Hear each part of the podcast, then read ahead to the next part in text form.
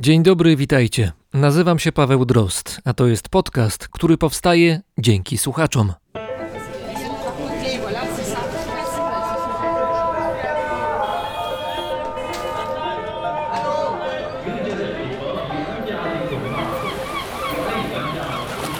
Brzmienie świata z lotu Drozda.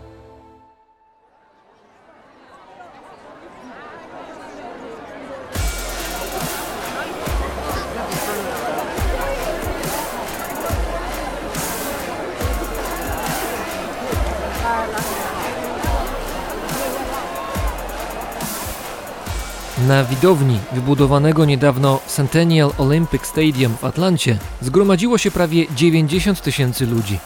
Napięcie w tłumie rosło. Rosła też duma i zadowolenie. Amerykanie mieli ku temu powody. 100 lat po inauguracji współczesnych Igrzysk Olimpijskich w Atenach, stolica amerykańskiego stanu Georgia gościła u siebie sportowców z całego świata. O ten zaszczyt walczyły też same Ateny, ale ostatecznie po raz czwarty w historii letnie Igrzyska Olimpijskie rozpoczęły się na terenie USA. Był rok 1996.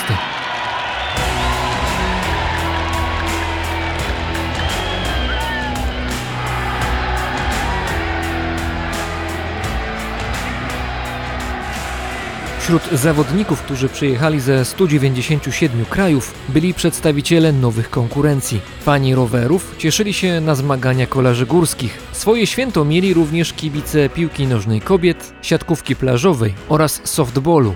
Podczas ceremonii otwarcia znicz olimpijski zapalił Muhammad Ali, żywa legenda boksu i złoty medalista z Rzymu 1960 roku. Oczywiście nie zabrakło prezentacji oficjalnej piosenki Igrzysk Olimpijskich w Atlancie. Wykonała ją Celine Dion, która zaśpiewała utwór zatytułowany The Power of the Dream Siła marzenia. Piosenka przez chwilę była na playlistach stacji radiowych, szczególnie w Japonii, ale gdy sportowy kurz opadł, siła marzenia straciła na popularności. Inaczej było z piosenką wykorzystaną przez Międzynarodowy Komitet Olimpijski w spotach reklamowych, które miały promować wśród telewidzów historyczne, setne, letnie Igrzyska Olimpijskie.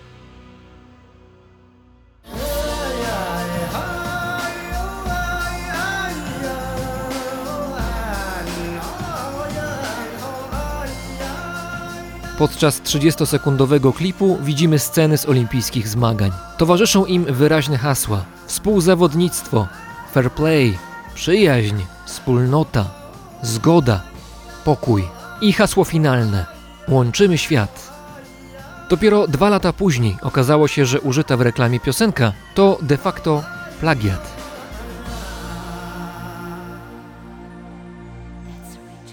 Return to Innocence, powrót do niewinności, to przebój niemieckiej grupy Enigma. Najbardziej znani i cenieni krytycy muzyczni na świecie prześcigali się w zachwytach nad tą kompozycją. Podziwiano gustowne połączenie muzyki ambientowej i New Age. Jeden z dziennikarzy napisał, że jeśli istnienie człowieka byłoby filmem, to Return to Innocence powinno być piosenką, która zabrzmi w trakcie napisów końcowych. W 1993 roku powrót do niewinności stał się światowym hitem. Był szalenie popularny szczególnie w Niemczech, USA, Wielkiej Brytanii i Skandynawii.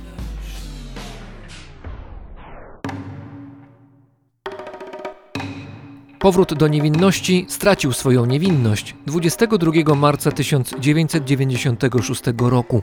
Tego dnia do wytwórni płytowej, która wydała płytę Enigmy, trafił pozew. Taki sam pozew dotarł również do Międzynarodowego Komitetu Olimpijskiego. W dokumencie tym małżeństwo z Tajwanu, Difang Duana, lat 86 oraz Igai Duana, lat 84, dowodziło, że przebój grupy Enigma zawiera ich śpiew, który został wykorzystany bezprawnie, bez ich zgody.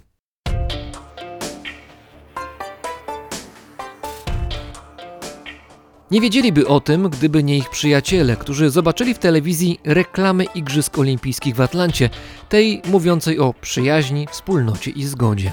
Państwo Duana byli rolnikami z południowo-zachodniej części Tajwanu. Należeli do tajwańskich aborygenów z grupy Amit. W 1988 roku, w trakcie pobytu we Francji, ich śpiew został zarejestrowany przez francuską placówkę Ministerstwa Edukacji Maison de Culture du Monde Dom Kultur Świata. Rok później utwór opisany jako tradycyjna polifoniczna pieśń weselna z Tajwanu, bez podania nazwiska wykonawców, został wydany na płycie CD. To stamtąd wzięli go muzycy Enigmy i włączyli do swojej piosenki. Tak brzmi oryginalne nagranie z 1988 roku, zarejestrowane we Francji.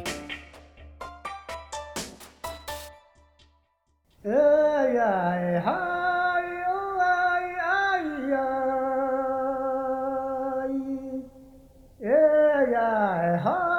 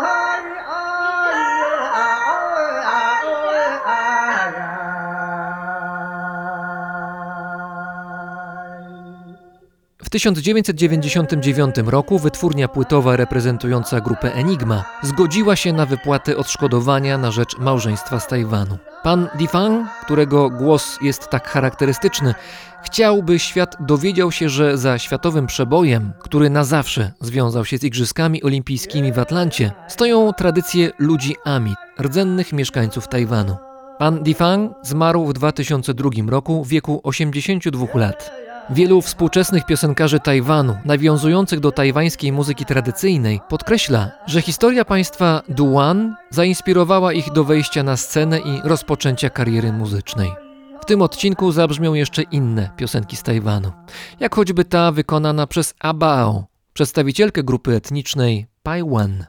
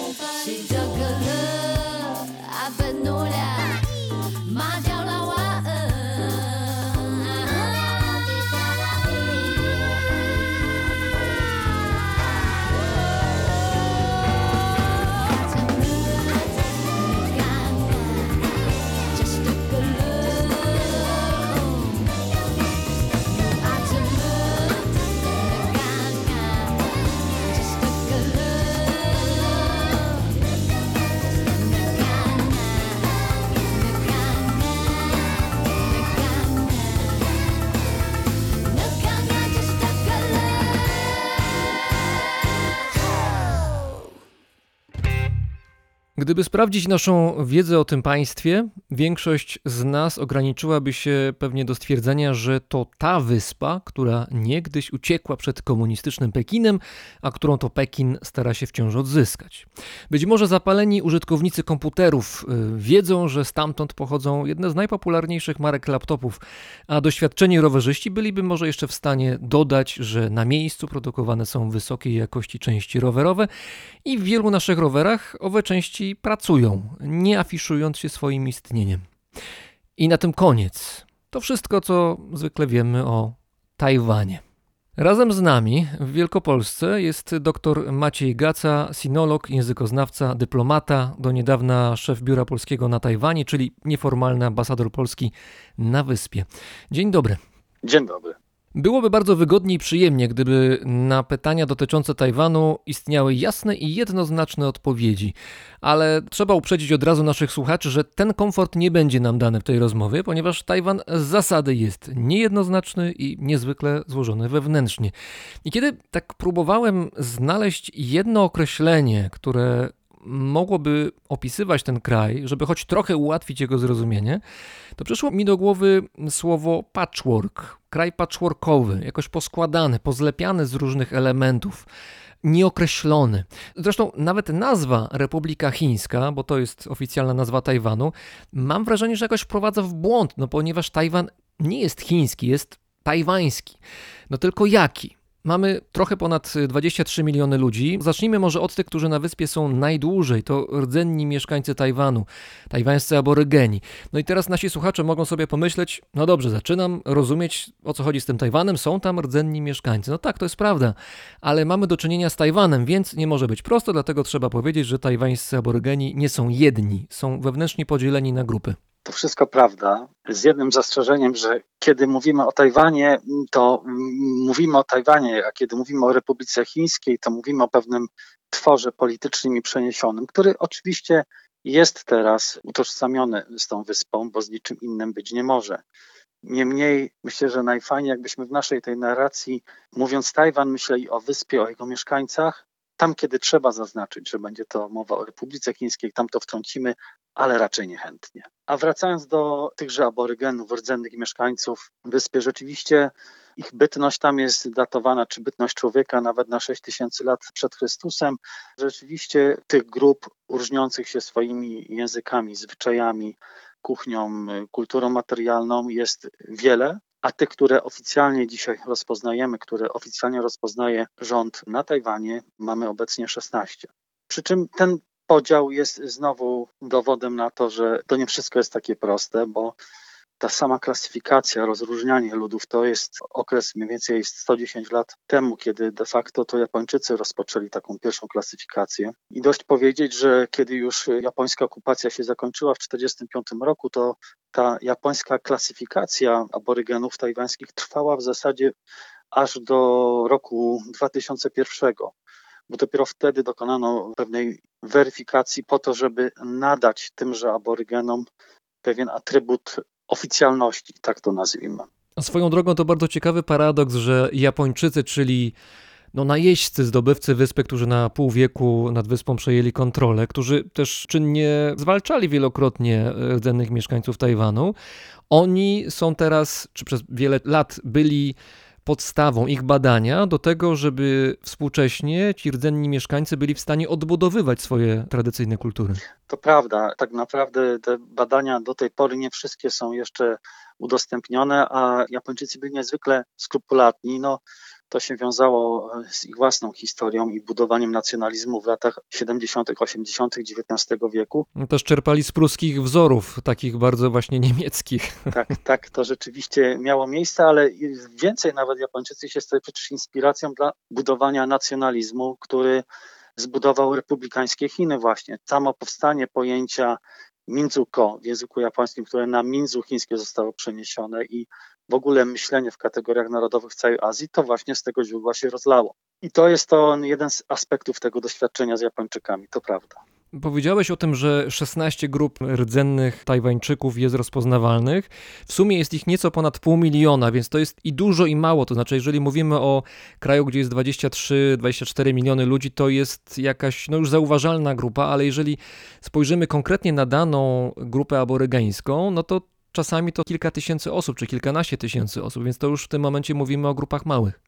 Tak, no mówię o grupach małych, no najmniejsze z tych grup mają no, rzeczywiście w, w okolicach tysiąca, a jeszcze oprócz tych 16 grup mamy inne, które mają tak zwane lokalne rozpoznanie i tych jest dalszych dziewięć w tej chwili i mamy jeszcze dalszych następnych pięć czy sześć, które próbują uzyskać tak zwane lokalne rozpoznanie, jakby taka szczeblowość została w tym wszystkim osiągnięta. Oczywiście one są małe. Tu też warto powiedzieć, że no dzisiaj, tak jak słusznie zauważyłeś, to jest około 500, tam 60, 70 tysięcy versus prawie 23 miliony Hanów, czyli głównej substancji etnicznej obecnego Tajwanu, która zresztą też jest podzielona. To osobny temat, bardzo ważny i warty podkreślenia. Ale co ciekawe, w 1903 roku, czyli cofamy się w tej chwili 100 lat ponad, tych aborygenów było 113 tysięcy, a Hanów wtedy było zaledwie 3 miliony. Czyli ta fala hanowska, to zalanie nastąpiło po tym, jak, jak rzeczywiście duża część ludzi salwowała się ucieczką w latach 47-9 z głównych Chin na wyspę Tajwan ale to jest osobna historia. To teraz trzeba powiedzieć, że rdzenni Tajwańczycy, aborygeni tajwańscy coraz bardziej dochodzą do głosu, może mniej w takim dyskursie publicznym czy politycznym, chociaż też trochę, ale bardziej wewnętrznie, to znaczy sami zaczynają siebie trochę na nowo odkrywać. Mam wrażenie, że to w ogóle jest na fali odrodzenia się rdzennych tradycji w różnych częściach świata, to w latach 80. i 90., bo wtedy też to na Tajwanie się rozpoczęło. Natomiast ważna rzecz się wydarzyła bodaj 5 lat temu chyba. Prezydent, obecna prezydent też Tsai Ing-wen przeprosiła aborygenów tajwańskich za to, że przez lata byli spychani na margines społeczny de facto. Tak, to bardzo się cieszę, że to przywołałeś. Prezydent Tsai Ing-wen jeszcze w kampanii prezydenckiej pierwszej, przed jej wyborem, ona zapowiadała, że będzie chciała doprowadzić w ramach takiego procesu jakby uzdrawiania społecznego i integrowania Tajwańczyków wszystkich do po pierwsze powołania komisji, która tym się będzie zajmuje. Znaczy komisja była wcześniej powołana, ale chodzi o nadanie jej pewnego szerszego sposobu działania, ale też, że będzie chciała przeprosić i to de facto nastąpiło 1 sierpnia 2016 roku w bardzo przejmujący sposób. Odbyło to się na Katawalan Boulevard, czyli w tym głównym placu naprzeciwko Pałacu Prezydenckiego. Zaproszeni byli przedstawiciele wszystkich grup aborygańskich. Znakomitej większości odebrali to bardzo dobrze. Ciepło, acz boleśnie, no bo nie można takiego czegoś inaczej odebrać. A to nie jest tak, że oni byli na marginesie. Oni byli kompletnie niezauważani, chyba że byli kłopotem bo w doświadczeniu historycznym styku aborygenów z Chińczykami Han to było doświadczenie działające tylko w jedną stronę. Ze strony Chińczyków Han, którzy rozpościerali się wzdłuż wschodniego wybrzeża, było to nastawione zawsze na wykradanie zasobów ze strony tychże aborygenów, ale tych, którzy byli określani, bo tego jeszcze wcześniej nie powiedzieliśmy, był różny podział tych aborygenów dokonywany. I to Chińczycy Han wymyślili taki podział na aborygenów nizinnych, czy też równinnych bardziej należałoby powiedzieć, i górskich. I Chińczycy Han mieli styk z tymi równinnymi, czy też nizinnymi aborygenami. Co więcej, jakby spojrzeć na tą mapę doświadczeń kontaktów bezpośrednich, no to przez cały czas trwania okresu, który się określa Ming-Chang, czyli tego okresu, kiedy panowała dynastia Ming i potem był taki słynny żeglarz, pirat Kosinga, który no, w imieniu restytucji władzy mingowskiej, ale już za czasów następnej dynastii Qing na Tajwanie działał, to oni, oni mieli kontakt tylko z tymi nizinnymi i tak naprawdę określali nawet taką linię podziału, za którą się nie ruszali. Gdybyśmy spojrzeli na to historycznie, to jest 300 lat doświadczeń, to te wpływy chińskie w zasadzie nie obejmowały więcej niż jednej trzeciej, być może dwóch piątych wyspy, mówiąc o takiej linii przebiegającej z południa na północ. Czyli de facto cokolwiek byśmy nawet chcieli zgłaszać jako pretensję pewną historyczną, to nigdy władza chińska, którakolwiek dynastia by sobie ją przypisywała, nie sięgała i to nawet w dokumentach chińskich, na całe terytorium Tajwanu, nikt nie odbiła nawet połowy tego terytorium. No tak, ale w 1949 roku, kiedy Chiang Kai-shek z dwoma milionami ludzi uciekł na Tajwan, to byli Chińczycy Han, Tak. e, no to rozpoczęła się druga fala, no właśnie, wypierania z terenów rdzennych aborygenów tajwańskich i chyba wtedy nawet to miało większy wymiar niż te 300-400 lat wcześniej. No na pewno miało to wymiar większy w takim rozumieniu, że było to radykalne i dużo szybszym procesie, czyli w dramatycznym czasie przebiegające, a te zasoby ludzkie do pacyfikowania poszczególnych ośrodków kultury aborygańskiej oczywiście były większe. Przy czym to, o czym wcześniej mówiłem, to jest taki, wiesz, długofalowy proces sinizacji. Do tego stopnia, że taki sam sposób myślenia, jaki o etnosach czy grupach mniejszości narodowych na terenie Chin kontynentalnych mieli Chińczycy, to to było zaszczepiane na Tajwan. Oni nawet podzielili sobie Tajwańczyków, rdzennych Tajwańczyków teraz mówię, na takie, jakby to powiedzieć, podgrupy. Mówili o surowych aborygenach, nazywali ich oczywiście terminem fan, które znaczy barbarzyńca, czyli to byli surowi barbarzyńcy, ugotowani barbarzyńcy i tacy pośrodku. No i ci nizinni to byli ci ugotowani, czyli przez częstsze kontakty na przestrzeni tam 300 lat. Ugotowani w znaczeniu obrobieni jakoś przez kontakty z kulturą Han. Tak, tak, tak, którzy już byli, że tak powiem, scinizowani, potrafili porozumiewać się w języku chińskim, przejęli pewne zwyczaje, pewne elementy związane ze strojem, z kuchnią, no ale też dochodziło do małżeństw mieszanych. No na przestrzeni 300 lat to musiało się rozwinąć, a to jest ciekawostka, dlaczego do tego dochodziło, bo rząd cingowski, o ile pozwalał czasowo na Tajwan przemieszczać się Chińczykom, o tyle zabraniał im zabierania ze sobą kobiet. Czyli to była przemyślana polityka. Przemyślana polityka, która miała zapewnić powrót, a tylko ci, którzy nie byli w stanie tej niezłomności utrzymać, pozostawiali. No jak pozostawiali, no to w pewnej frustracji, która musiała e, zostać zaspokojona, no i stąd te kontakty między aborygenami a Hanami, tymi niż innymi, no, musiały przybrać taki model również mieszania się. To teraz przypomnijmy sobie wiek XVII, bo to jest ważny wiek dla historii Tajwanu. Wtedy na miejscu pojawiają się Europejczycy, przede wszystkim Holendrzy, ale nie tylko oni. Oczywiście cały czas Chińczycy kontynentalni gdzieś próbują y, kontrolować wyspę i mają te kontakty dosyć bliskie.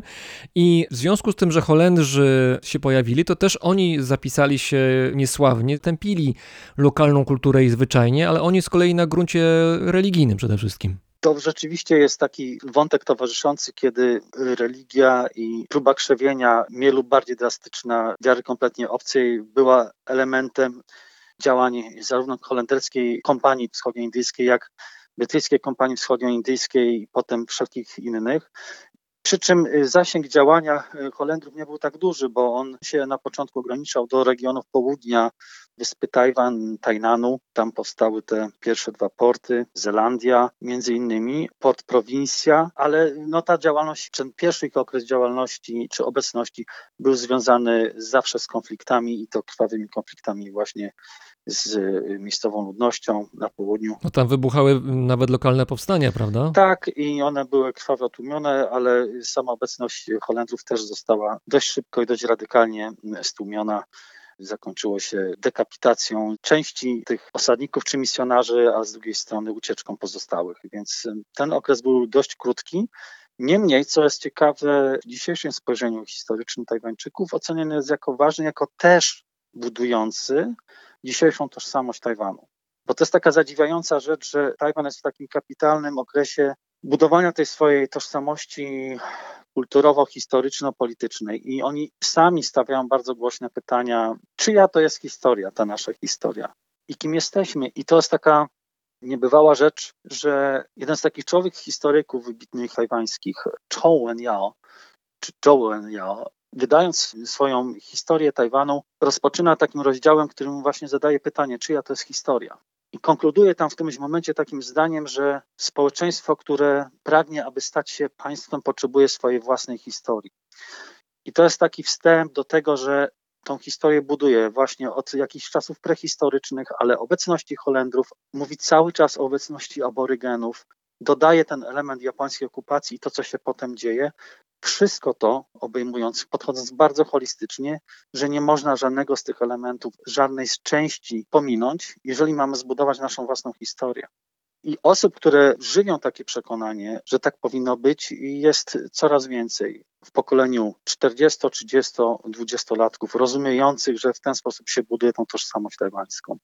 To jeszcze do współczesności zaraz wrócimy, ale jeszcze zostańmy na moment w wieku XVII, bo oprócz tego, że mamy tam na miejscu Holendrów, którzy się pojawili na miejscu z przytupem, ale dosyć szybko też z przytupem zniknęli stamtąd, to mamy pierwszą falę, dużą falę Chińczyków Han z kontynentalnych Chin.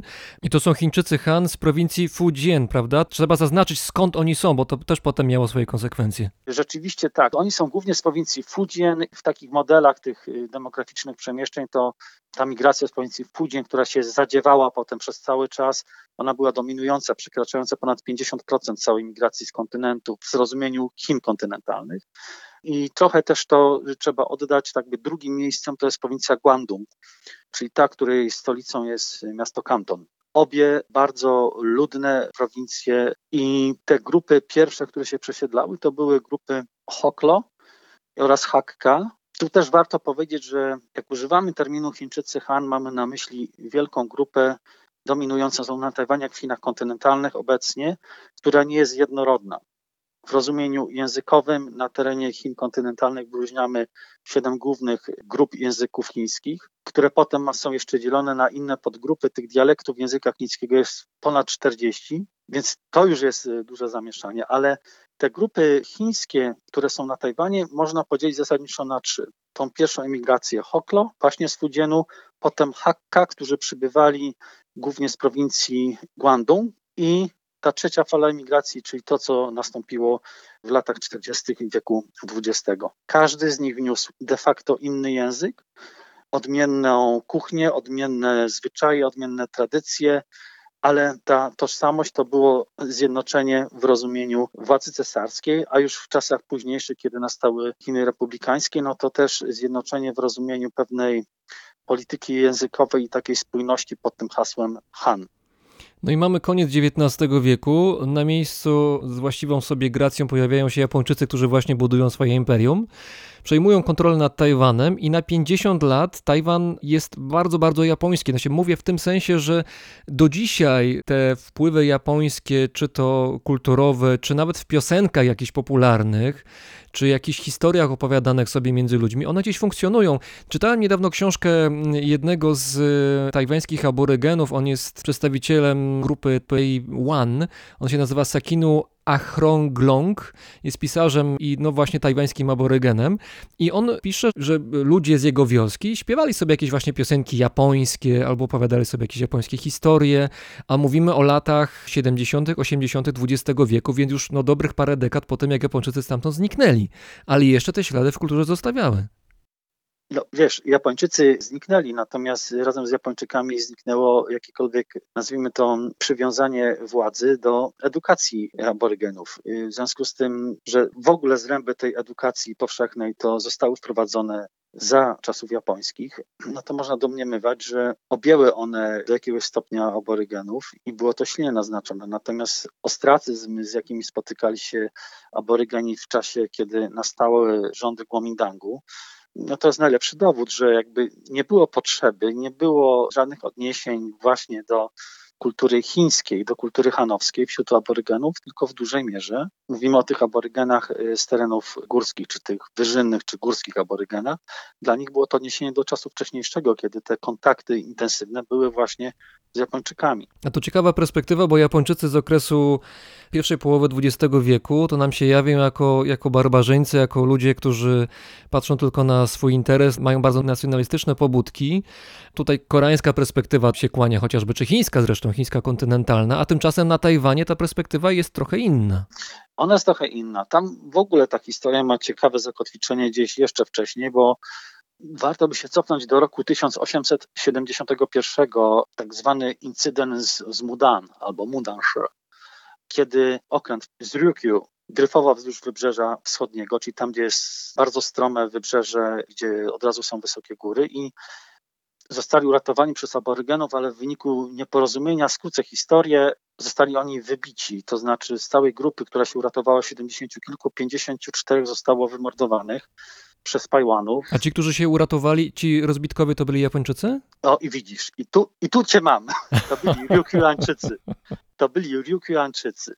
Bo historia jest taka, i dlaczego jest to ważne, że ta część, co się uratowała, tych kilkanaścioro Hanowie, Chińczycy Hakka, uratowali Informacja dotarła gdzieś do władz administracyjnych Tajwanu, została przekazana dalej. Dowiedzieli się o tym Japończycy. I Japończycy wykorzystali ten pretekst z Tajwanu z 1871 roku do ogłoszenia, że będą wysyłać ekspedycję karną na Tajwan. Ale w jakim celu? W celu powzięcia rewanżu za zabicie obywateli Japonii. Bo chodziło o znalezienie pretekstu, żeby nazwać wyspy Ryukyu japońskimi. Dokładnie to, bo aneksja Ryukyu, królestwa Ryukyu, które istniało kilkaset lat, nastąpiła kilka lat później, w roku 1879. Więc de facto co nastąpiło? Z jednej strony nastąpił pretekst do tego, żeby aneksja nastąpiła, z drugiej strony to był pretekst do tego, żeby obecność japońska na Tajwanie od tego czasu była coraz bardziej aktywna, co się przerodziło w to, że rzeczywiście w 1895 roku Japończycy ten Tajwan zajęli, ale jednocześnie osłabili w tymże 1874 roku słabość rządu cingowskiego, który już na to wszystko nie miał wpływu. I puenta jest taka, że w tym obecnym procesie poszukiwania zrozumienia dla historii, taki jest ładny termin po angielsku reconciliation, historycy, czy trzy pokolenia później ludzie, którzy mieszkali w tej wiosce tajwańskiej. Wioska nosiła nazwę Kuskus wtedy. Kuskus, ale tutaj nawiązania do Francji są jakieś? Nie ma, nie, Czy do Maroka, do Afryki Północnej? nie ma, ja wiem, że jest pora być może kolacyjna, ale nie, nie, nie ma tu powiązań. Historia jest taka, że, że ci ludzie zaczęli poszukiwać jakby rewizji, potrzeby spojrzenia na tą historię od nowa. Okazało się, że ani Tajwańczycy, ani ci Ryukyuańczycy, czy rodziny potomkowe tych Ryukyuańczyków jakby nie mieli możliwości wypowiedzenia na ten temat. Koniec końców dochodzi do spotkania i pojednania po 140 latach tych rodzin. Tych ci Ryukyuańczycy, potomkowie w trzecim, czwartym pokoleniu lecą na Tajwan i jadą do tej wioski, rozmawiają z potomkami cztery pokolenia później tychże Tajwańczyków. To jest y, kapitalna historia w ogóle. W odcinku y, jednym z wcześniejszych brzmienia świata, kiedy w centrum uwagi w rozmowie była Okinawa, mówiliśmy o tym, że jak się spojrzy na mapę, to południowa część archipelagu Ryukyu jest naprawdę rzut kamieniem od Tajwanu. To są właściwie sąsiedzi bezpośredni. Dużo Tak. bliżej wyspom Ryukyu, niektórym z nich, tym z południa, jest do Tajwanu niż Tajwanowi nawet do Chin kontynentalnych. Tak, do tego tanie loty, bardzo częste. Świetny pomysł na udany weekend, kiedy się chce ucząć od gorąca dużych miast tajwańskich. Teraz jeszcze spróbujmy podsumować oraz jeszcze bardziej podnieść poprzeczkę skomplikowania na Tajwanie, bo Dobrze. tak, mieliśmy Holendrów, mieliśmy Hiszpanów, mieliśmy Chińczyków Han, ale w dwóch grupach, Hakka i Hoklo, dobrze pamiętam? Tak, tak. E, Do tego mamy potem jeszcze czasami potomków niewolników, czy to z dzisiejszego Wietnamu, czy z Jawy, czy jeszcze z paru innych miejsc. Mhm. Do tego wszystkiego pojawiają się jeszcze Japończycy, którzy w wyniku przegranej w II wojnie światowej wyjeżdżają z Tajwanu i zostawiają wyspę. I w roku 1949 pojawiają się na miejscu uciekinierzy z Chin kontynentalnych z Chiang Kai-shekiem na czele. I tutaj musimy się zatrzymać, bo myślę, że bardzo często jest taka narracja, która przedstawia Mao Tse-tunga i komunistów, którzy wtedy przejęli kontrolę nad Chinami, jako tych jednoznacznie złych oraz Kuomintang, czyli Chiang Kai-sheka, jako tych dobrych, którzy musieli uciekać, serwować się ucieczką. Tymczasem z perspektywy Tajwańczyków, ale w szczególności też rdzennych Tajwańczyków, to było pewne zło. No się, to była tragedia, która trwała przez kilkadziesiąt lat. To była dyktatura, która e, na swoim koncie ma kilkadziesiąt, jak nie więcej tysięcy ofiar. No rzeczywiście chciałby się powiedzieć, że z perspektywy aborygenów, ale też wcześniejszych grup Hanów na wyspę przeniosło się samo zło, ale znowu byłoby to przesadą w drugą stronę. Niemniej to, co się zadziało, to ta imigracja częściowo następowała już od 1945 roku. Już lwia część tego procesu przenoszenia w 1947 roku się odbyła. Ten ostateczny moment to był 1949 rok, kiedy sam Chiang Kai-shek, czy też inaczej Jiang Jieshi, przeniósł się na tę wyspę i, i kontynuował tymczasowo, bo to myślenie o tymczasowości trwało do końca jego życia w jego głowie, właśnie na Tajwan. Natomiast to doświadczenie było dla wszystkich trudne. Przenieśli się ludzie sfrustrowani, jeżeli chodzi o warstwę inteligencką. Przeniosła się cała władza, ale w rozumieniu trwania już 12 lat w stanie wojny. A więc z drylem wojskowym, z przymusem, z czymś dzisiaj byśmy na to też inaczej spojrzeli. Tak? To byli ludzie, którzy, no wyobraź sobie kogoś, kto jest 12 lat w stanie wojny, Ludzie jakoś złamani przez czas. złamani strasznie przez czas. Dzisiaj pewnie byśmy patrzyli na to z tego punktu widzenia PTSD, wieloma innymi rzeczami, Mhm. traumami, Syndromem pourazowym. tak, ale z drugiej strony wjechali do świata, który wybudzał się z czegoś, co przedtem trwało 50 lat i dało im jakąś stabilność i rozwój, i w sposób agresywny zaczęli działać i narzucać nową rzeczywistość. Tutaj punktem zwrotnym de facto był rok 47 i tak zwany incydent z 28 lutego 47, czyli wybuch buntu przeciwko obecności żołdaków i sposobu sprawowania władzy, rabunkowej polityki i zamordyzmu niesionego właśnie przez żołdaków Kuomintangu. I to doprowadziło w krótkim czasie do ogłoszenia stanu wojennego, gdzie weszło szereg obostrzeń i w wyniku tych obostrzeń, między innymi zabronienia jakiegokolwiek kontaktu z komunistami, kiedy użyto pojęcia komunizm jako broni przeciwko każdemu, kto się nie podobał nowej władzy. I ten okres określany jest w historii Tajwanu jako okres białego terroru. To mówimy o tych wydarzeniach, które zaczęły się od takiego niepozornego incydentu ze sprzedażą papierosów, dobrze pamiętam? Tak, z przewróceniem stoiska targowego starszej Tajwanki, brutalnym jej pobiciu i wywaleniem tych papierosów w ramach kampanii poszukiwania kontrabandy. Ale to był czas, kiedy od dwóch lat już żołdacy Kuomintangu byli obecni, kiedy była galopująca inflacja, kiedy brakowało wyrobów i kiedy nastąpił olbrzymi drenaż zasobów żywieniowych produkowanych na potrzeby dużo mniejszej populacji wcześniej na Tajwanie. W związku z tym w ludziach narastała taka duża złość, że to przelało czarną goryczy.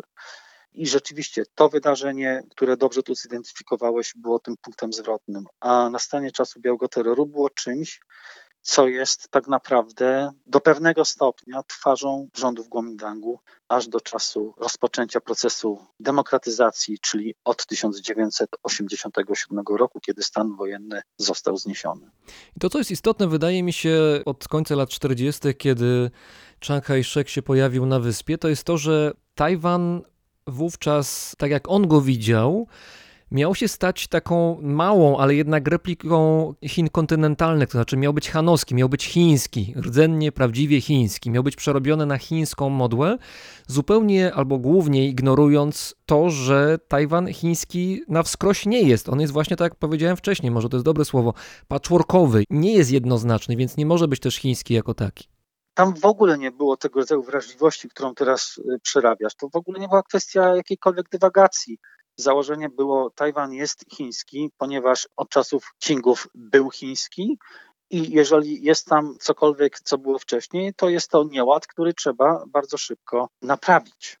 Dowódca garnizonu Kuomintangu w 1949 roku, niejaki Chen Yi, powiedział wprost, publicznie, tajwańskie zwyczaje, tajwańskie myślenie i język będą musiały stopniowo przechodzić do chińskich korzeni. Czyli wypowiedź tego typu jednoznacznie mówi, że jak najszybciej w sposób energiczny ma nastąpić zunifikowanie i znormalizowanie na modłę chińską. I to jest sposób myślenia przez Chiang Kai-sheka i ludzi, którzy byli u władzy na Tajwanie, jak to powinno wyglądać. Ale z drugiej strony pamiętajmy, że ten Tajwan był rozumiany jako pewna tymczasowość. To trzeba tam zaszczepić, żeby jak najszybciej działało, natomiast sam pobyt tej władzy na Tajwanie miał być kompletnie tymczasowy. Do tego stopnia, że przecież jeszcze w latach 90. formalnie mówiono o Tajpej jako tymczasowej stolicy Republiki Chińskiej. A wiadomo, że prowizorka utrzymuje się najdłużej, prawda? No, my Polacy wiemy to znakomicie. Jeżeli mówimy tutaj o tym, że jakoby Tajwan jest chiński na wskroś, to trzeba zwrócić uwagę na to, że aborygeni tajwańscy to jest ludność, która ma pochodzenie polinozyjsko-indonezyjskie, prawda? Bardziej te rejony, a nie rejon współczesnych Chin. To znaczy tak, językowo zdecydowanie wszystkie grupy aborygenów, z tego co nam nauka przynosi, to są grupy porozumiewające się językami należącymi do rodziny języków austronezyjskich. Natomiast co do początków, no to tutaj znowu są zdania jakoś tam fantastycznie podzielone, bo są takie osoby, tacy badacze, którzy próbują to odnieść do starej historii, która w pasie właśnie w prowincji Fujian i Guangdong północnego była, taka kultura równa z starą plechińską kulturą Yangshao albo Lungshen, które były na północy, to tam na południu była taka kultura Daben, Daben Khen, 6 tysięcy lat wstecz. I że tam mieli być ci protoplaści. To jest jedna z takich koncepcji. No a inna jest taka, bardzo ulubiona przez zwłaszcza australijskich językoznawców obecnie, która mówi, że w ogóle języki aborygenów tajwańskich to są protoaustronezyjskie języki. To znaczy, że stamtąd one się dopiero rozwijały i ten rozwój tych języków i tych kultur szedł właśnie od Tajwanu na południe. Czyli to było źródło Tak, wszech tak, rzeczy. tak. Ale jak zwykle w nauce są dwie szkoły, falenicka i otwocka. I, I tak to jest. Ale rzeczywiście, bez względu na to, gdzie, w którą powiedziałbym tę ścieżkę myślową byśmy się nie zagłębili, to jednoznaczne jest to, że ten Tajwan był niezwykle istotny, czy jest niezwykle istotny i to w pojmowaniu właśnie rdzennych mieszkańców i ich wpływu na to, jak cały szeroki region się rozwijał. Tak myślę, że aborygeni tajwańscy w ramach kultywowania czy odrodzenia swojej kultury i tradycji, to nie starają się przywrócić praktykowania odcinania głów swoim przeciwnikom, prawda? Bo to jeszcze kilkaset lat temu to jeszcze zdarzało się czasami. No to są takie smaczki, że rzeczywiście wśród kultur różnych wysp i regionów austronezyjskich, czyli sięgając po Filipiny i Jawę w dół, ale z drugiej strony nawet jakbyśmy sięgali do Chin kontynentalnych, to znajdziemy takie grupy etniczne, które były znane z tego, że były łowcami głów. Tak, naprawdę? W samych Chinach, tak, w samych Chinach kontynentalnych masz taką grupę, która nazywa się Lahu, zamieszkującą południowo-zachodnią część prowincji Yunnan, tej znanej głównie z herbat. To jest taki tygiel etniczny w ogóle w Chinach i Lahu praktykowali tą właśnie zasadę wejścia w dorosłość przez młodego myśliwego, że on oczywiście może upolować tygrysa, może upolować niedźwiedzia, ale jak upoluje głowę Hana, to będzie rewelacja. Do tego stopnia, że osadnictwo hanowskie na ziemiach zamieszkiwanych przez Lachu, no powiedziałbym, następowało z pewną wstrzemięźliwością aż do lat 70. XX wieku. O, to byli tak aktywni? Tak. Ci łowcy głów? Tak. Ale to ciężkie tereny na pograniczu z zmianą, także. No, ale tylko mówię, że takie przykłady w tym samym regionie geograficznym, gdzie byli łowcy głów, gdzie była to taka kwestia właśnie wejścia w tą inicjację tej dorosłości, to nie tylko na Tajwanie, to dość powszechnie w całym regionie. Jak to w tej chwili wygląda na Tajwanie, jeżeli chodzi o praktyczne znaki tego, że kultury aborygeńskie na wyspie jakoś się odradzają. No bo była mowa o tym, że te pięć lat temu były przeprosiny pani prezydent Tsai Ing-wen. Zresztą Tak. jej babcia też pochodzi z jednego z plemion, Paiwan, Tak. więc tutaj jakieś więzy rodzinne też są. No, widziałem jakieś zdjęcia, jakieś nagrania filmowe. Czasami to wygląda tak, że to są jakieś niewielkie miasteczka czy wioski, właściwie niepozorne. Poza tym, że zdarzają się takie malunki na ścianach, na, na budynkach, dosyć kolorowe wzory, które jakoś odróżniają te, te miejscowości od powiedzmy tych hanowskich. To odrodzenie kultury stało się możliwe, tak jak mówię, dopiero po 1987 roku, kiedy był ten proces demokratyzacji Tajwanu, ale de facto można tutaj za cezurę czasową przybrać rok 1997, czyli po tym jak rok wcześniej były pierwsze demokratyczne wybory prezydenckie, tam wygrał Li Tenghui, to dopiero w świadomości publicznej po 1997 roku aborygeni zaistnieli. W jakim sensie? Na przykład w takim sensie, że do tegoż wspomnianego roku, 1997, nie było nigdzie odnotowane w ogóle nic na temat funkcjonowania aborygenów. Mam na myśli kurikula szkolnictwa podstawowego, średniego, czy nawet kursy akademickie. To dopiero wtedy, przy pierwszej reformie podręczników, pojawiła się pierwsza otwartość na to, żeby młodzi ludzie, Tajwańczycy, głównie oczywiście Hanowie, zaczęli budować sobie jakąkolwiek świadomość istnienia innych grup etnicznych. Także to jest taka cezura czasowa. A do tego, jak to wygląda, no to rzeczywiście dużo dobrych rzeczy się wydarzyło. Dużo dobrych rzeczy, dlatego że ta autonomia zrealizowana w sposób rzeczywisty, jeżeli pojawiają się jakieś napięcia, czy pojawiają się jakiekolwiek sytuacje, kiedy po stronie grup aborygeńskich jest poczucie niedosytu, to to jest od razu nagłaśniane publicznie. Jest bardzo duża presja do tego, żeby zapewnienie tej ochrony i utrzymania ich kultur było możliwe. A to niezwykłe, że po okresie tak długiej izolacji kulturowej, teraz wahadło historii poszło w drugą stronę i jest pełna akceptacja, wręcz jakieś wsparcie systemowe i też społeczne dla tych grup. No tak, no bo tylko w ten sposób można zbudować tożsamość kulturowo-polityczną Tajwańczyków, która nie jest i nie może zostać zawładnięta przez żadną narrację agresywnego sąsiada z zachodu.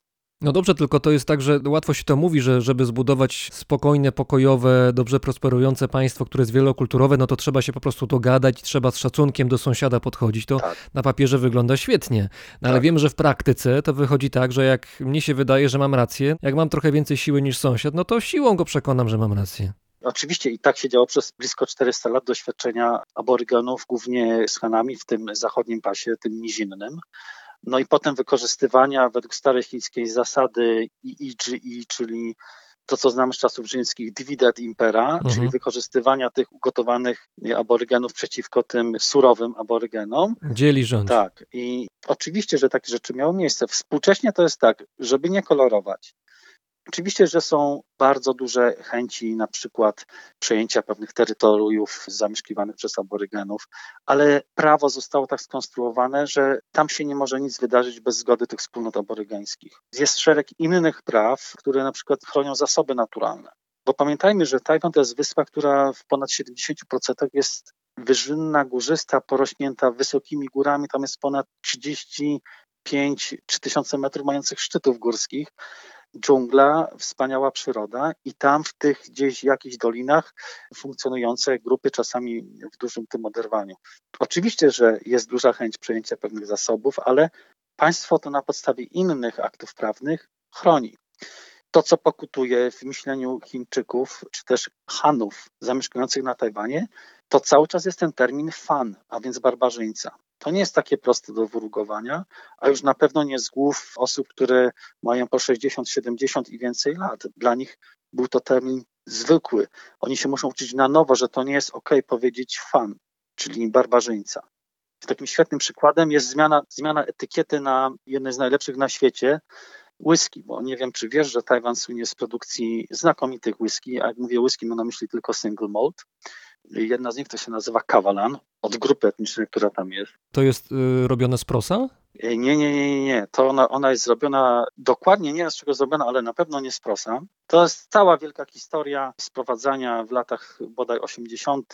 z Kanady beczek po Bourbonie, które potem zostały osadzone w takim szczególnym mikroklimacie, właśnie gdzie ludność Kawalan mieszkała. Jest destylarnia, jest muzeum, można pojechać, jak ktoś będzie na Tajwanie, spędzić kilka miłych godzin. I zwiedzić. Tak, tak, tak. Ale do czego zmierzam? Historia etykiet na tych butelkach, bo to jeszcze był bodaj 95 albo 1998 rok, kiedy na etykiecie było napisane, że ona została wyprodukowana na ziemiach, gdzie zamieszkiwali barbarzyńcy o nazwie Kawalan. O, Także wiesz, to są takie zmiany, które jeszcze cały czas następują, że ta świadomość tych ludzi kształconych, młodych, którzy są dzisiaj 20, 30, 40 latkami, to jest zupełnie inna świadomość niż tego starszego pokolenia. To też tak, żeby nie kolorować za mocno. Ale pytałeś o obecność tych aborygenów w kulturze obecnej i, i w tym mainstreamie, czy ona jest, czy nie jest. Jest tego coraz, coraz więcej. Jeden przykład tylko powiem polityczny, bo to ważna rzecz. Rzecznikiem prasowym Pałacu Prezydent Tsai Ing-wen jest dziennikarka i polityczka, która jeszcze kilkanaście lat temu nosiła imię podane po chińsku Ye Guanlin. Natomiast wróciła, zanim jej kariera polityczna się rozwinęła, ale kiedy już była dziennikarką, do swojego nazwiska rdzennego i ona wywodzi się z grupy z kolei Amis. I rzeczniczka Pałacu Prezydenckiego, a wcześniej rzeczniczka rządu od 2018 roku nazywa się Kolas Jotaka.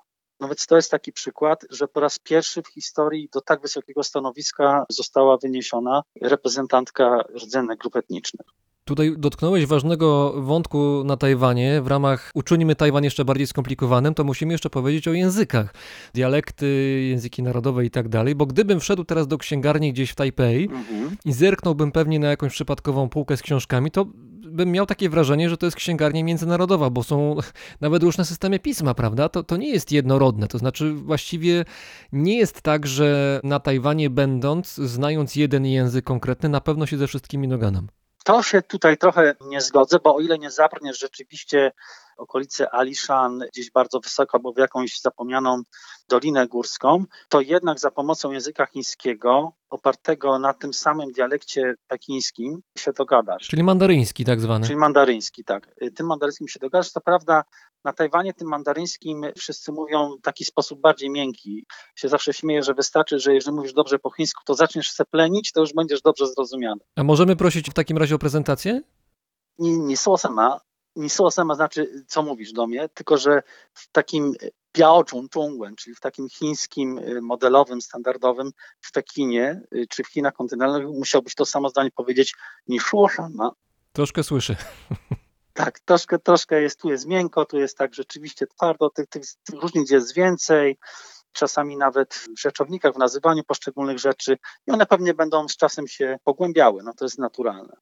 Co ciekawe, rząd tajwański chcą, mają ambitny plan, żeby do 2025, pewnie to będzie przesuwane, do 30 czy później, żeby stworzyć Tajwan krajem, gdzie drugim językiem urzędowym jest język angielski. Więc to jeszcze wszystko e, fajnie komplikuje, że oni chcą być jeszcze do tego wszystkiego bardzo międzynarodowi. A wracając do księgarni, to rzeczywiście wszystkie języki możliwe, dlatego że mają znakomite księgarnie. To z tego wynika, ale większość książek znakomita tam wydawanych jest wydawana w języku i w piśmie chińskim. Wygląda na to, że ta tajwańskość, o której rozmawiamy, nie jest jedna i ona ma swoje odcienie i też gradacje i cały czas tożsamość jest poszukiwana. Natomiast teraz postawię taką tezę, powiedz mi, czy się mylę, czy nie, że ta tożsamość tajwańska w tej chwili współcześnie, w latach 20. XXI wieku, ona jest trochę budowana na bazie tożsamości negatywnej, to znaczy na przekonaniu, że nie jesteśmy Chińczykami z kontynentu, wobec tego jesteśmy inni. Jeszcze nie wiemy jacy do końca. Jacyś zróżnicowani jesteśmy, ale jesteśmy inni. Nie do końca się mogę z tą tezą zgodzić, w takim sensie, że tak jak mówisz, to wskazujesz na pewną sprawczość i na pewną inicjatywę po jakby, ja to tak rozumiem, po stronie tajwańskiej, żeby, żeby tak to widzieć. Ja to widzę bardziej, że Tajwańczycy poszukują tej swojej tożsamości, dlatego że jeżeli zaakceptowali, że są tworem historycznie niejednorodnym, że są etnicznie niejednorodni, ale odnajdują sens rozpoznania i szacunku dla siebie wszystkich wieloetnicznie, z jednej strony, a z drugiej strony to Chiny wywierają na nich presję, próbując w bardzo silny, agresywny sposób, różnego rodzaju narracją, określić ich jako Chińczyków, to, to jakby te Chiny wywołują, że oni przyspieszyli w tym rozpoznawaniu swojej tożsamości nowej, tożsamości tajwańskiej. W takim razie na jakiej bazie Tajwańczycy tę tożsamość mogą budować? To znaczy, co jest fundamentem? Osiągnięcie wzajemnego szacunku przez rozpoznanie nas w doświadczeniu historycznym, odejście od kryterium opartego na etniczności, tylko zbudowanie wspólnego terytorium w rozumieniu geograficznym, gdzie umiłowanie praw człowieka, wolności i demokracji są tą spoiną. Tak to widzę. Ale to brzmi jak jakiś ideał z y, antycznej Grecji. Tylko widzisz, to jest tak, że moje z kolei patrzenie na to, czy moja teza jest taka, tak, to jest ideał, tylko że ten idealizm tajwański tutaj polega na tym, że oni w tym samym czasie, w którym my zaszczepiliśmy demokrację, tu 87 rok, u nas 89, oni bardzo szybko ten mechanizmy demokracji i wartości, na których, czy filary, na których ta demokracja się opiera, odnaleźli jako coś, czym się utożsamiają i oni teraz to raz, że pielęgnują, dwa, że udoskonalają, oni chcą pokazać całemu światu. I na tym ta siła, jakby powiedziałbym, polityczna, ale też de facto moralna za tym stoi, że oni, oni budują demokrację w dużo lepszy sposób, dużo bardziej doskonały. Oni patrzą na to jako systemowe rozwiązanie na pokolenia, żeby pokazać to światu, ale żeby też pokazać, że na substancji, na substracie etniczności chińskiej, z ich doświadczeniem ponad 2,5 tysiąca lat w Chinach, doświadczeniem władzy cesarskiej, pionowego jej orientacji czasowo-przestrzennej, hierarchiczności, że oni są w stanie zbudować z tego, z tej substancji wychodząc coś zupełnie innego. Właśnie idealną demokrację. I moim zdaniem to jest ich cel, to jest ich siła, bo w sensie militarnym liczenia na wsparcie, czy amerykańskie, czy inne, nie ma czegoś, co im zapewni jakąś wewnętrzną stabilność, taką integrację. I tylko do tego mogą się odwoływać, do właśnie szlifowania cały czas tej demokracji jako spoiny tych praw człowieka, tej wolności i tej koncyliacyjnej polityki historycznej. To jeżeli dotknąłeś już kwestii zagrożenia ze strony Chin kontynentalnych, bo to zagrożenie wisi od, od, od samego początku, od końca lat 40. XX wieku nad Tajwanem, no to powiedzmy, że takie wyobrażenie, które może część z naszych słuchaczy ma, że to są dwie części świata, Tajwan i Chiny kontynentalne, które są w nieustannym napięciu, w związku z tym patrzą na siebie wilkiem, to przeświadczenie jest niezgodne do końca z prawdą, dlatego że kontakty bilateralne, ładnie mówiąc, one są dosyć intensywne. To znaczy, nawet turyści z Chin kontynentalnych przyjeżdżają na Tajwan. Z Tajwanu z kolei jeżdżą studenci uczyć się do Pekinu, czy do Szanghaju, czy gdzie tam jeszcze.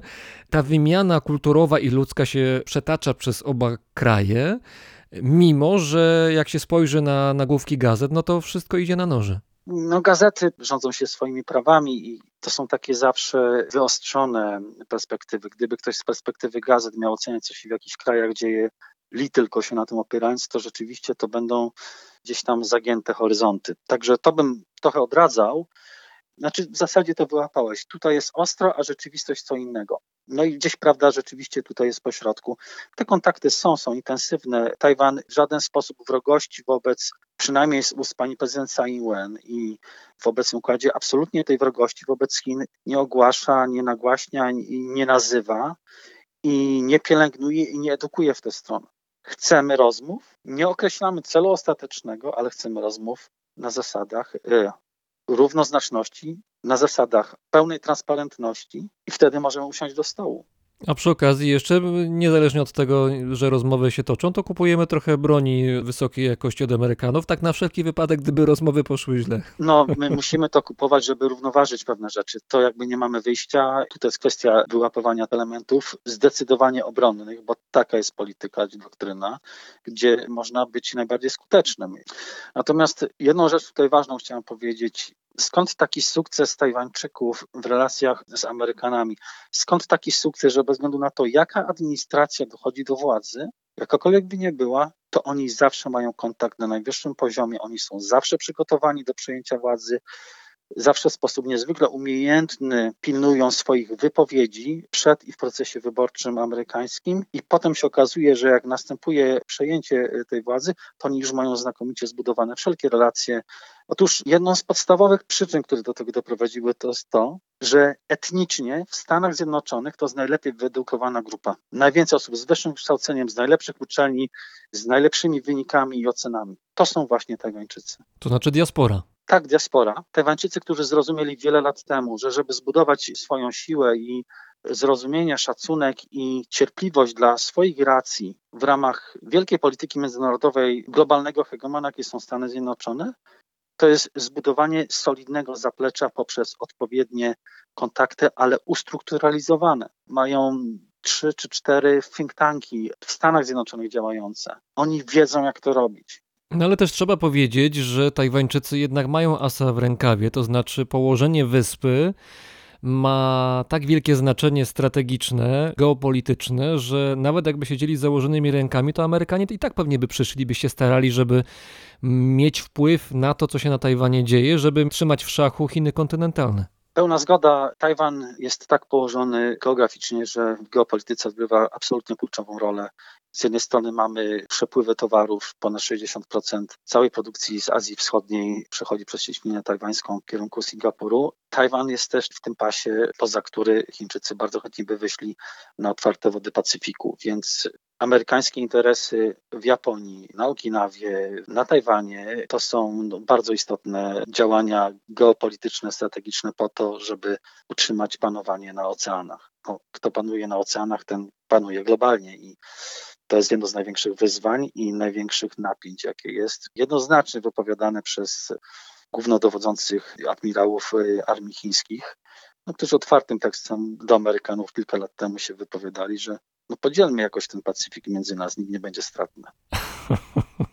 jakoś się dogadamy.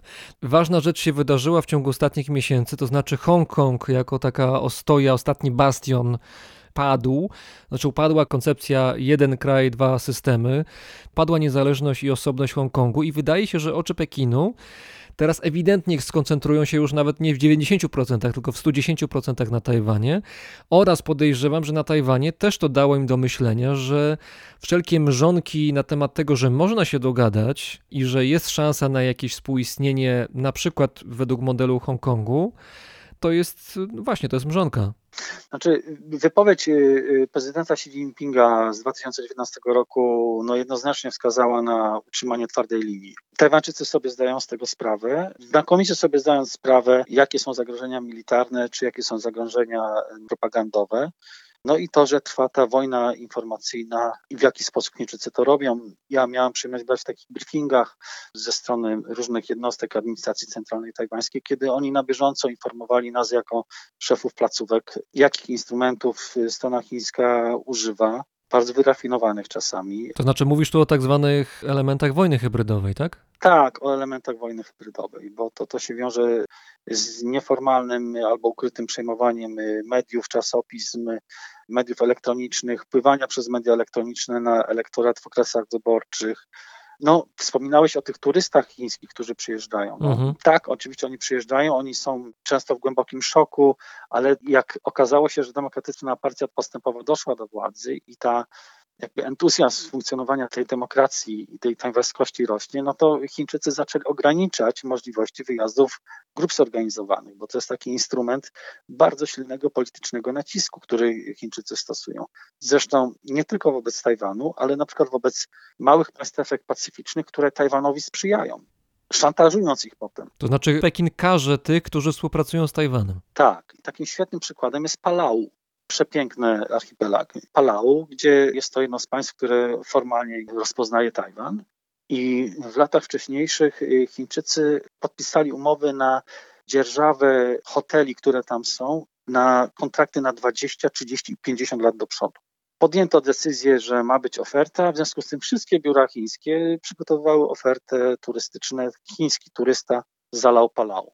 No ale jak y, władze Palau powiedziały, że jak mają wybór, to wybierają poszanowanie demokracji, bo u nich ta tradycja demokracji jest niezwykle ważna, no to nagle co się stało? Nagle się okazało, że rozpoczęte inwestycje stanęły, hotele stoją puste, Chińczycy zabronili, najpierw ograniczyli, a potem zabronili przez jakiś czas wyjazdu grup chińskich, co doprowadziło do prawie bankructwa państwa Palau.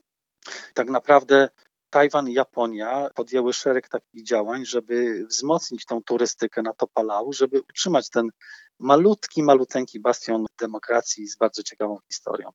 To są tego rodzaju działania. Tylko my z perspektywy europocentrycznej nie widzimy, jak bardzo agresywnie one się na Pacyfiku odbywają. No też ostatnio niektórzy z nas pewnie słyszeli o tym, że Pekin w ramach karania niekorzystnych y, dla niego opinii, konkluzji w sferze publicznej, ukarał kilka firm, które powiedziały, że nie będą korzystać z bawełny produkowanej w Chinach, przy której to pracują prawdopodobnie w formie niewolniczej czy półniewolniczej Ujgurzy.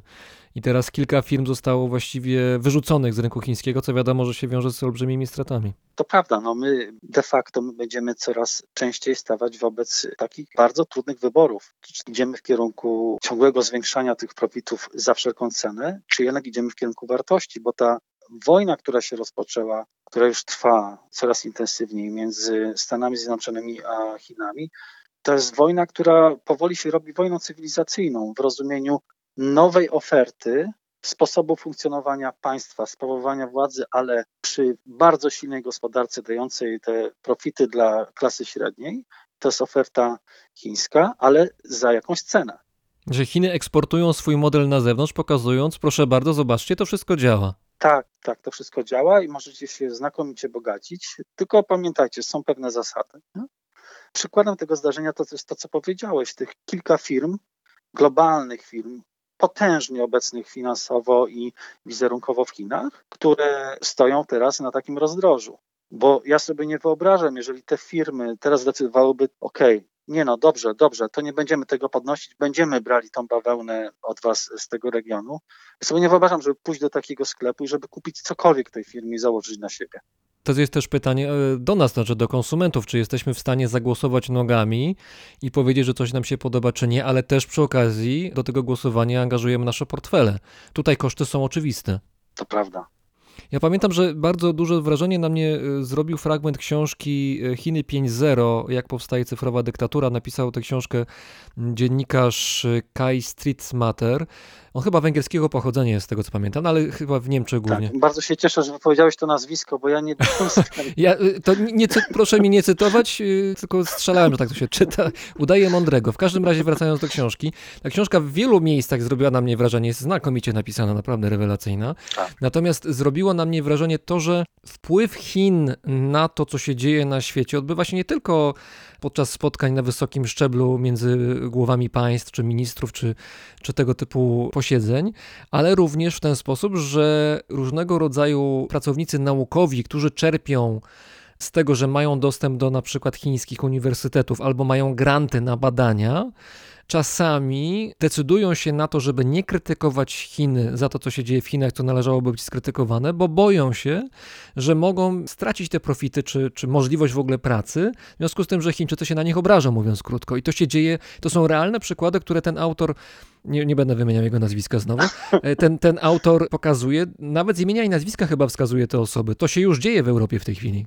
Tak, tak, rzeczywiście. Powiem, że dotknąłeś takiego bardzo czułego punktu dla mnie, y, bardzo ważnego, dlatego że no jest to dla mnie jedna z najstraszniejszych zbrodni, jaka się odbywa. To znaczy bankructwo krytycznego myślenia i, i badań, zwłaszcza w tych w naukach humanistycznych, ale nie tylko, w ekonomii też, na rzecz właśnie tych profitów wynikających z grantów, z tej współpracy międzynarodowej, z tych uzyskiwania punktów. Ale to też kryzys moralny, prawda? Do tego się Kryzys łączy. moralny, jest absolutny kryzys moralny. Pierwsze takie doświadczenie dla mnie bardzo, bardzo takie dojmujące to było, jak brałem udział w 2015 roku na Tajwanie w takiej konferencji też na National Jiangxi University, NCCU i, i tam byli zaproszeni dwóch profesorów, Amerykanów zresztą, od kilkudziesięciu lat funkcjonujących w Hongkongu. I oni przyjechali za tajwańskie pieniądze. Tam jest zebrana śmietanka nie tyle towarzyska, co intelektualna, ale też politologiczna. I on zaczyna mówić narracją Pekinu. Ja wtedy zrozumiałem, znaczy po pierwsze jako dyplomata guzułem się w język i nie zabrałem głosu w dyskusji. Po drugie zrozumiałem, w jakiej on jest sytuacji. Ja sobie wyobraziłem tego człowieka, kiedy on ma tam żonę, dzieci, wnuki, oni w tam jakichś tam karierach, że on podjął pewną decyzję, że on podjął decyzję, że taką narrację będzie prowadził, bo on nie chce stracić tego, co tam budował przez dziesiątki lat. Ale to jest erozja nauki i to jest zwycięstwo takich miękkich instrumentów. Tu dostaniesz laptop, tam dostaniesz stypendium, coś tam. I co ja dalej zrobię, jak ja napiszę nie tak? Czyli następuje najgorsza z możliwych rzeczy. To o tym Ai Weiwei też kiedyś się wypowiedział, jak był mówił o cenzurze chińskiej, że najgorsza rzecz, która jest w Chinach, ale teraz jak to zastosuje, nie będzie dotyczyło Chińczyków, to jest autocenzura. I ta autocenzura w świecie ludzi nauki jest zatrważająca, jeżeli chodzi o odniesienie do Chin. Jest to olbrzymia porażka. Zastanawiałem się też nad tym, jak, jak można odpowiedzieć na to zagrożenie, na to zjawisko, które się rozszerza, bo Wiesz, to, to już Bo- nie jest zagrożenie, to już jest zjawisko, które funkcjonuje. No, no dobrze, no to istniejący problem. Jak można na niego zareagować? No bo wydawałoby się takim najprostszym sposobem, który chyba nie leży na stole w tym momencie, byłoby, żeby zaproponować tym badaczom pieniądze również za to, żeby mogli pracować, ale dając im pełną swobodę do tego, żeby swoją pracę wykonywali tak, jak należy. Tylko, że to jest właściwie nierealne, bo wiadomo, że wiele instytucji naukowych jest po prostu do- niedofinansowanych, a Chińczycy mają specjalne fundusze na to, żeby właśnie łożyć na ten cel. Wiesz, sky is the limit w tym wypadku. To, to jest tak coś takiego. Jeżeli zakładasz think tank i chcesz, żeby ten think tank był wiarygodny, to nie możesz wziąć pieniędzy ze źródła niewiadomego, ale nie możesz wziąć żadnych pieniędzy z państwa, które badasz. No tak. Krótka piłka. To jest kwestia tego, czy my w kształceniu akademickim, przedakademickim wpajamy zasady etyki zawodowej i moralności, ale w ujęciu tego, czym jest praca naukowa. Bo ja nie spotkałem się z takim przedmiotem albo z takim pojedynczym wykładem w kurikulum żadnych studiów, więc to jest zupełnie inne otwarte pytanie, ale, ale jest to coś, co, co jest takie rzeczywiście raniące, że tak jest. To jeszcze na koniec, jak mieszkałeś na Tajwanie, już pomijając kwestię twojej pracy jako dyplomaty, co ci przeszkadzało w Tajwanie podczas tych kilku lat bytności tam na miejscu? Czy było coś, co irytowało, coś, co przeszkadzało? Wiesz co, ja nie przyzwyczaiłem się do pająków i Mm. to, jak one potrafią być y, wielkie, soczyste i jak znienacka pojawiać się w przeróżnych miejscach, zwłaszcza w sypialni. To było trudne y, doświadczenie. Nie przyzwyczaiłem się do hałasu skuterów spalinowych i do tej pory jest dla mnie trudne do zrozumienia, jak Tajwan, który wymyślił, wyprodukował najbardziej nowatorski i najbardziej designersko przepiękny skuter Gogo Row, nie był w stanie jeszcze przeprowadzić wymiecenia z rynku tych setek tysięcy, a w zasadzie dziesiątków milionów strasznie głośnych skuterów. To to jest coś, co mi dość mocno przeszkadzało. Razem z nami był dr Maciej Gaca, sinolog, językoznawca, były dyplomata na Tajwanie. Bardzo dziękuję. Ja także dziękuję. Do usłyszenia.